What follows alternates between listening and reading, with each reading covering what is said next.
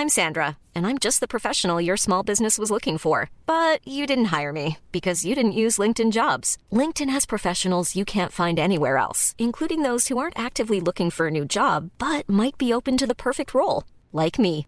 In a given month, over 70% of LinkedIn users don't visit other leading job sites. So if you're not looking on LinkedIn, you'll miss out on great candidates like Sandra. Start hiring professionals like a professional. Post your free job on linkedin.com/people today.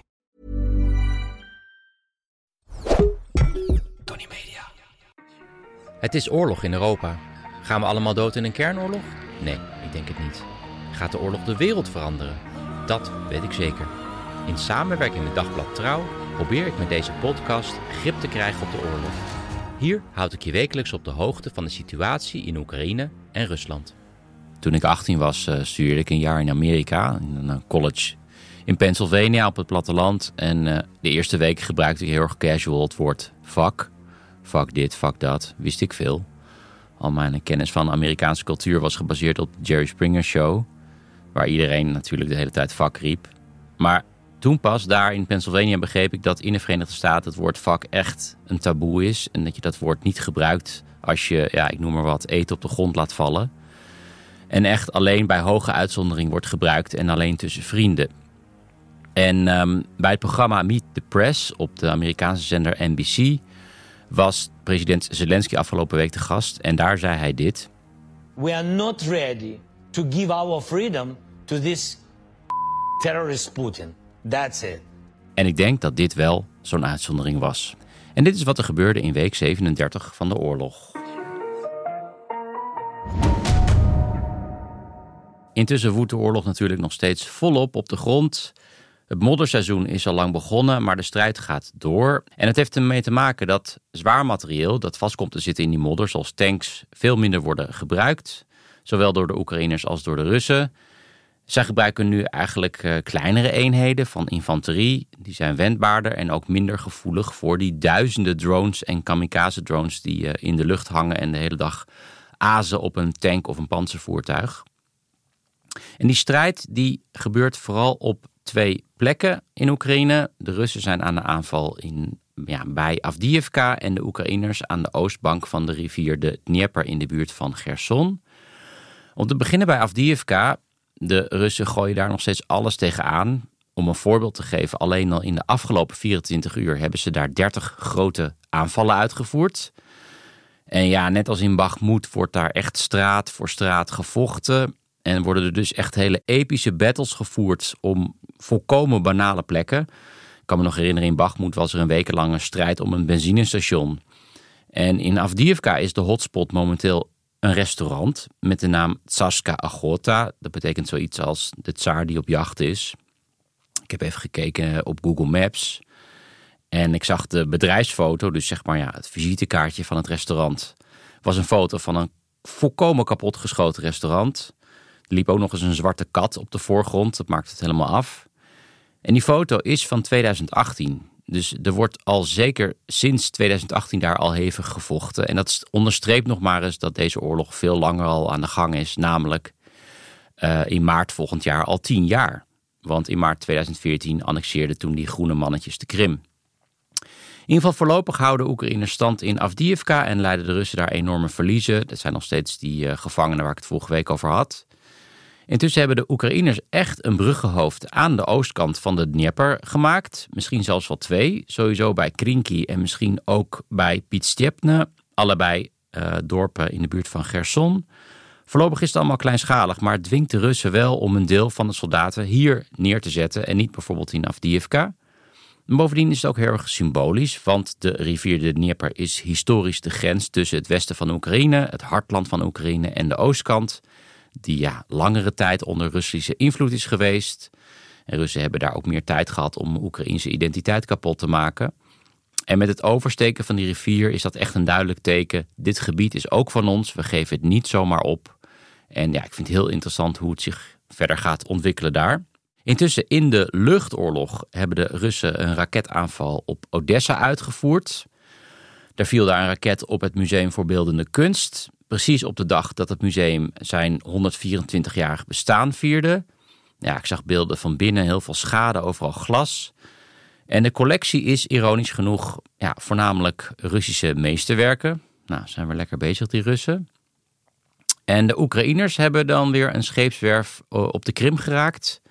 Daar zou het fregat de Askold waarschijnlijk met een Franse Scalp kruisraket eh, zijn geraakt. Dat schip was trouwens nog niet eens in gebruik genomen, maar die zou wel in staat zijn geweest om raketten op Oekraïne af te vuren, maar nu dus niet meer.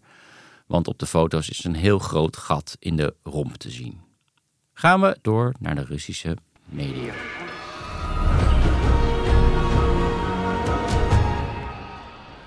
Ja, om te beginnen met de Oekraïnse media. Sinds het begin van de oorlog is een van de staatszenders in Oekraïne helemaal gewijd aan de oorlog. Dat is echt, ja, dat gaat gewoon 24 uur per dag door. Dat zijn natuurlijk overwegend positieve berichten om de moed voor de Oekraïners eh, ja, er een beetje in te houden. Maar het vertrouwen in deze zender is gezakt tot een dieptepunt. Dat bleek uit onderzoek van het uh, Sociologisch Instituut van Kiev. 48 procent, dus minder dan de helft van de bevolking, zegt vertrouwen te hebben in deze zender. En dat heeft alles te maken met de berichtgeving rond het Oekraïnse tegenoffensief deze zomer. Ja, dat offensief is natuurlijk nooit echt goed van de grond gekomen, terwijl door die zender wel hoge verwachtingen werden geschept. En nu moeten de Oekraïners wennen aan het idee dat de oorlog ja, nog wel eens heel lang zou kunnen duren, terwijl die dus al tien jaar duurt. Ideale voedingsbodem voor mensen die Zelensky weg willen hebben. En daar kom ik zo nog op terug. Ja, je hoort hier wolven huilen in de dierentuin van Kharkiv tijdens het luchtalarm. Even een reminder dat het natuurlijk ook een dramatische situatie is voor dieren in Oekraïne aan het front. Of ja, zoals hier in Kharkov, waar je dagelijks het gevaar hebt op een raket. Of ook in zee, want in de Zwarte Zee zijn tienduizenden dolfijnen om het leven gekomen sinds het begin van de oorlog. Dat heb ik al eens eerder in de podcast besproken. Die dierentuin van Kharkov trouwens is gedeeltelijk geëvacueerd aan het begin van de oorlog. Medewerkers hebben toen met gevaar voor eigen leven in hun eigen auto onder meer drie tapiers vervoerd. Ja, ik kijk soms het filmpje van die uh, evacuatie. Dan zie je dus drie tapiers in een auto zitten. Die kijk soms even om uh, bij te komen van alle andere heftige beelden die ik zie op de telegramkanalen. Ik zal het filmpje even in de show notes zetten. Doe je voordeel mee. Overigens kreeg ik via Robert van den Noorda, die eerder te gast was, het bericht dat in Schiedam een kat is gevonden uh, ja, de dierenbescherming daar kwam erachter dat de kat een Oekraïense chip heeft. En die, heet, uh, die kat heet Miyako. Dat staat dan kennelijk op die chip. En ik weet dat veel luisteraars Oekraïens vluchtelingen thuis hebben. Dus ja, mocht iemand deze Miyako kennen, dan kan je een mailtje sturen naar info.vlaardingen.dierenbescherming.nl. Ik zal het ook nog even in de show notes zetten. Intussen op Russische socials steeds meer ja, bizarre advertenties voor appartementen in Mariupol. Dat is natuurlijk die stad die ja, in het begin van de oorlog door de Russen aan gort is geschoten. Onlangs is daar bijvoorbeeld het eerste stoplicht, eerste werkende stoplicht weer in gebruik genomen. Nou, dat zegt genoeg over de totale vernietiging uh, daar. En de Russische overheid probeert zoveel mogelijk Russen naar die bezette gebieden te verplaatsen, ja, om gewoon dit gebied te Russificeren. Dus je kan voor een prikkie daar een appartement kopen. Gemiddelde prijs eh, van een appartement ligt rond de 30.000 euro. En voor een appartement aan zee, en dat is voor Russen echt heel bijzonder. En in uh, Moscow Times zijn geïnteresseerde koperen uit de stad Omsk in Siberië. En die zei dat het ergste in Mariupol al gebeurd is. En dat het daarom een goed moment is om nu te kopen. Nou, vind ik echt Russische logica.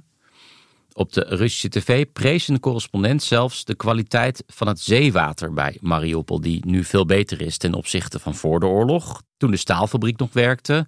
Azovstaal, het laatste bolwerk van de Oekraïners, ja, dat is toen ook helemaal kapot geschoten. Dus ja, die fabriek die doet het niet meer.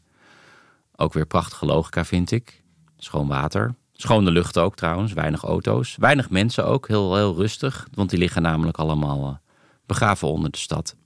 Ten slotte, interessant Nieuws van persbureau in eh, Kazachstan. Uh, er loopt een handelsroute door Kazachstan van China naar Europa. En dat zou een goed alternatief vormen voor de landroute over Rusland. Waardoor Europa ook nog minder afhankelijk is van Rusland. En ja, in Kazachstan is dit jaar heel veel gewerkt aan het oplossen van knooppunt waar dat verkeer vastliep.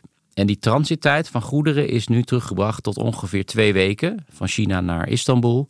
En het was eerst meer dan een maand. Dus het is echt aanzienlijk sneller. Die route loopt trouwens ook door Azerbeidzjan.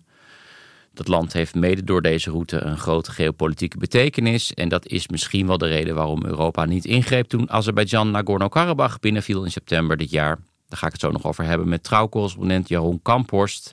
die een trip naar het buurland Armenië maakte. Oké, en dan nog even dit. Afgelopen week verscheen een profielstuk van Zelensky in Time. Ik zal een link in de show notes zetten. En ja, daar wordt Zelensky neergezet als een doodvermoeide leider. Moe van het uitleggen aan westerse leiders dat ze steun moeten blijven geven. Dat Rusland appease zinloos is. Moe ook van het inspireren van het Oekraïense volk. Door middel van eindeloze speeches. En ja, door al die moeheid dus misschien ook fuck zeggen op de Amerikaanse tv. Maar ook iemand die blijft geloven in de overwinning van Oekraïne. En dat Oekraïne niet op moet geven, hoe moeilijk het ook is. En dat onderhandelingen met de Russen het probleem alleen maar naar een generatie verder zullen verschuiven. En dat er dan weer een nieuwe Poetin op zal staan die het klusje af zal maken. En dat een nederlaag voor de Russen eigenlijk gewoon de enige weg is. En er zijn Oekraïners die daar anders over denken. En een van hun is Alexei Arestovich. Dat is een enorm populaire blogger. Volgens mij zijn YouTube-kanaal heeft echt een paar miljoen volgers. Tot voor kort was hij de, een van de adviseurs van eh, Zelensky. Een hele charismatische man. Heeft uh, ja, een kanaal waar hij wekelijks uh, grappige updates geeft over de oorlog. Weet ook een groot publiek aan zich te binden. Ze noemen hem ook wel de Jelleband Korstius van uh, Oekraïne. Echt waar. Hoe dan ook, die Aristovich die werd dit jaar in januari ontslagen. Nadat hij had gezegd dat een raket, ja dat was toen een enorme raketinslag in Dnipro, waar heel veel mensen om het leven gekomen. Hij had gezegd dat het een Oekraïnse luchtverdedigingsraket was, maar het waren wel gewoon de Russen uiteindelijk. Toen is hij dus ontslagen en sinds zijn ontslag is hij echt op ramkoers met Zelensky. Hij geeft ook openlijk kritiek op militaire beslissingen. Hij pleit vooral ook voor het onderhandelen met de Russen en mogelijk ook het ja, bieden van territoriale concessies aan de Russen.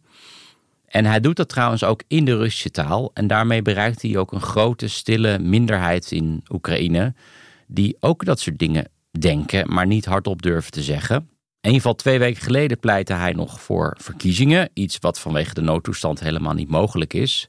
In ieder geval, hij heeft zichzelf al kandidaat gesteld. En na het verschijnen van dat profiel in Time van Zelensky schreef hij dit over Zelensky. Dit gaat over Zelensky. Een dictator die door iedereen in de steek is gelaten, die ijsbeert in zijn bunker, die de werkelijkheid niet onder ogen wil zien en hysterisch roept dat de overwinning nabij is ja, kortom, gewoon die scène uit uh, Der Untergang, waar uh, Hitler iedereen uitcovert in zijn bunker. Tenminste, ik denk, denk, dat hij daaraan naar verwijst. En Aristovich neemt natuurlijk een groot risico door Zelensky met Hitler in zijn bunker te vergelijken.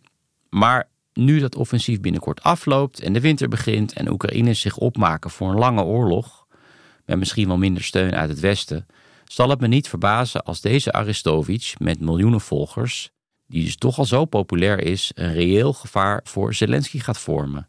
En Zelensky niet alleen oorlog met de Russen moet voeren, maar ook met een gevaarlijke politieke vijand.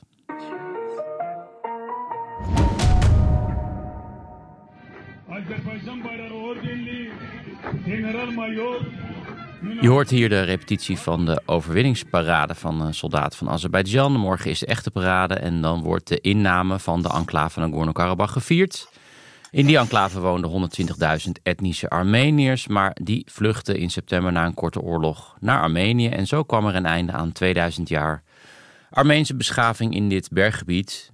Een, uh, ja, een beetje een tragedie die in stilte zich voltrok, overstemd door de oorlog in Oekraïne en later ook in het Midden-Oosten. Over het lot van die 120.000 praat ik verder met Jaron Kamphorst. Hoi Jaron. Hi, goedemiddag. Hallo, Jaron woont in Tbilisi, Georgië. Hij is correspondent voor Dagblad Trouw uh, ja, in de zuidelijke Caucasus, maar ook voor Rusland. En maakte onlangs een reis naar Armenië. Hey, om te beginnen um, met waar die vluchtelingen nu zitten. Waar zijn die terechtgekomen?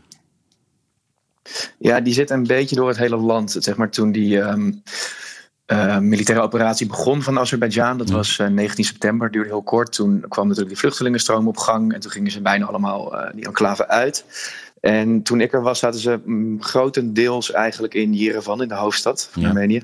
En daaromheen, in, in, nou ja, in de sportzalen, dat soort toestanden. Ja, ik zag dat jij in een van de sporthal zat buiten Yerevan. Maar is het duidelijk, zeg maar, of dat dan tijdelijk is? Of ja, waar, waar komen ze dan uiteindelijk terecht, die vluchtelingen? Ja, ze proberen, de regering probeert ze wel uh, permanent onderdak te bieden. Maar uh, ja, die mensen hebben natuurlijk alles achter moeten laten. Uh, veel zijn bijvoorbeeld boeren die, die nu niks, mm. geen land meer kunnen bewerken, noem maar op. Mm um, dus het is wel de bedoeling dat het tijdelijke opvang is. Maar de meeste mensen die ik sprak, die zitten met de handen in het haar over waar ze naartoe moeten. Ze krijgen wel wat financiële steun van de regering. Maar dat is nog niet toereikend om, uh, om een permanent iets te vinden. Dus vooralsnog zitten ze in tijdelijke opvang. Want dat lijkt me dan, de mensen die in zo'n sporthal terechtkomen, dat zijn nou dan mensen die bijvoorbeeld geen um, familie of directe familie hebben in, uh, in Armenië zelf.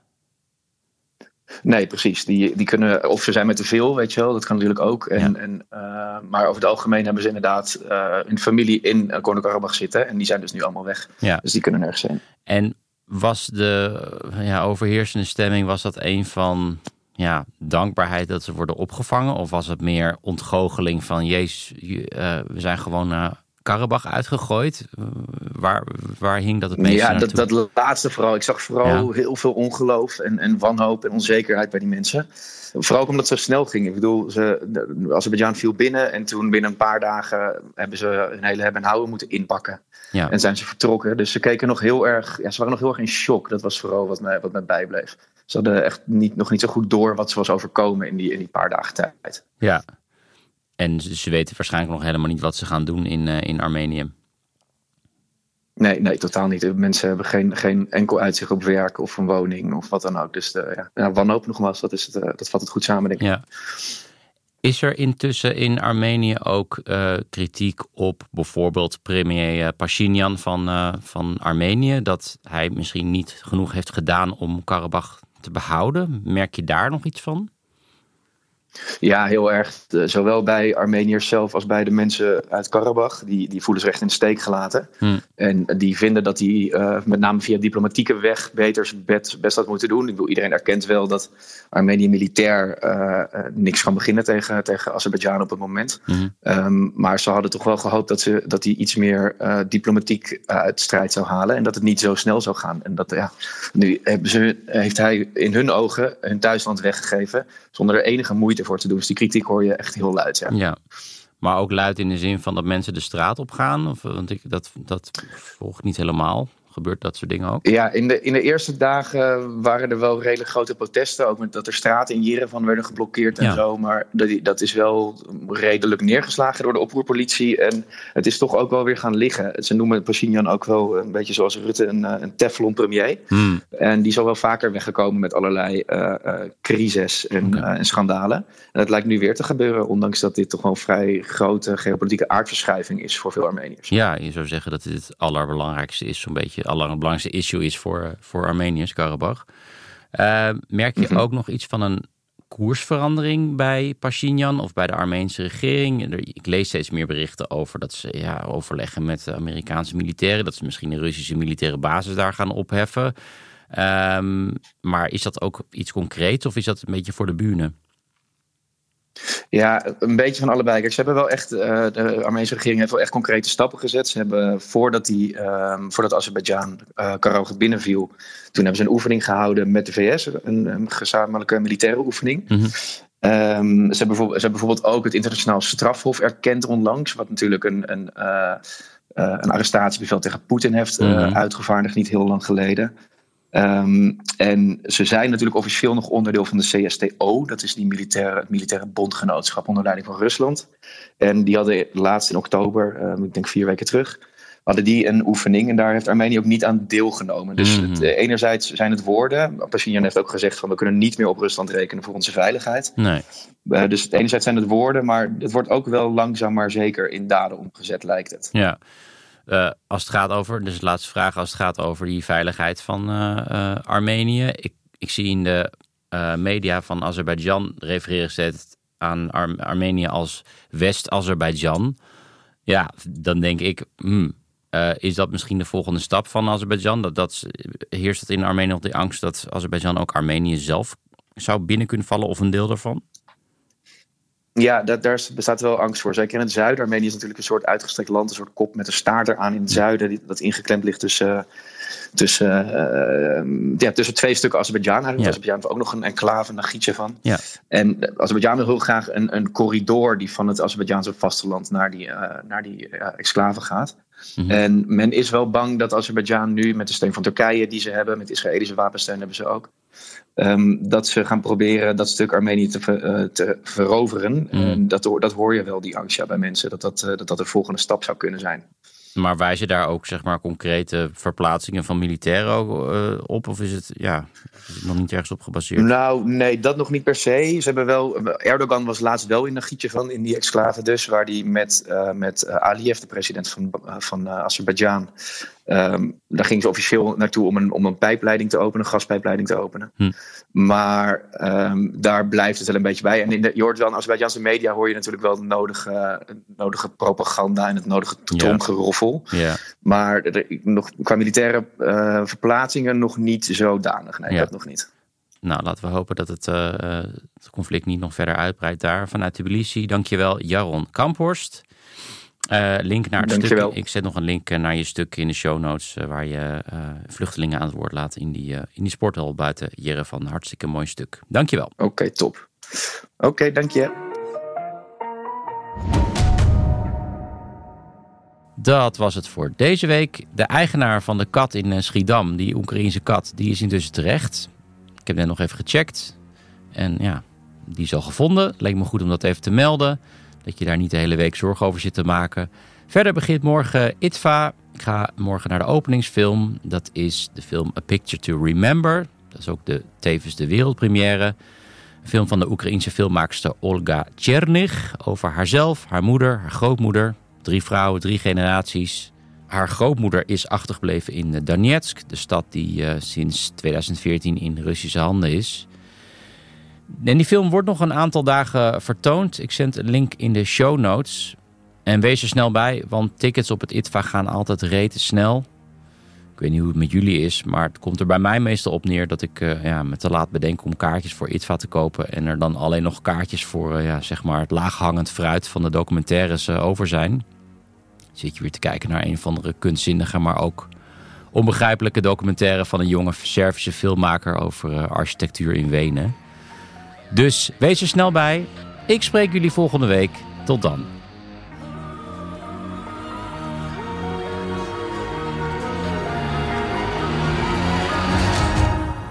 Dit was een productie van Tony Media en Dagblad Trouw. Voor meer verdieping ga naar trouw.nl. Even when we're on a budget, we still deserve nice things. Quince is a place to scoop up stunning high-end goods for 50 to 80% less than similar brands. They have buttery soft cashmere sweaters starting at $50, luxurious Italian leather bags, and so much more. Plus, Quince only works with factories that use safe, ethical, and responsible manufacturing. Get the high-end goods you'll love without the high price tag with Quince. Go to quince.com/style for free shipping and 365-day returns.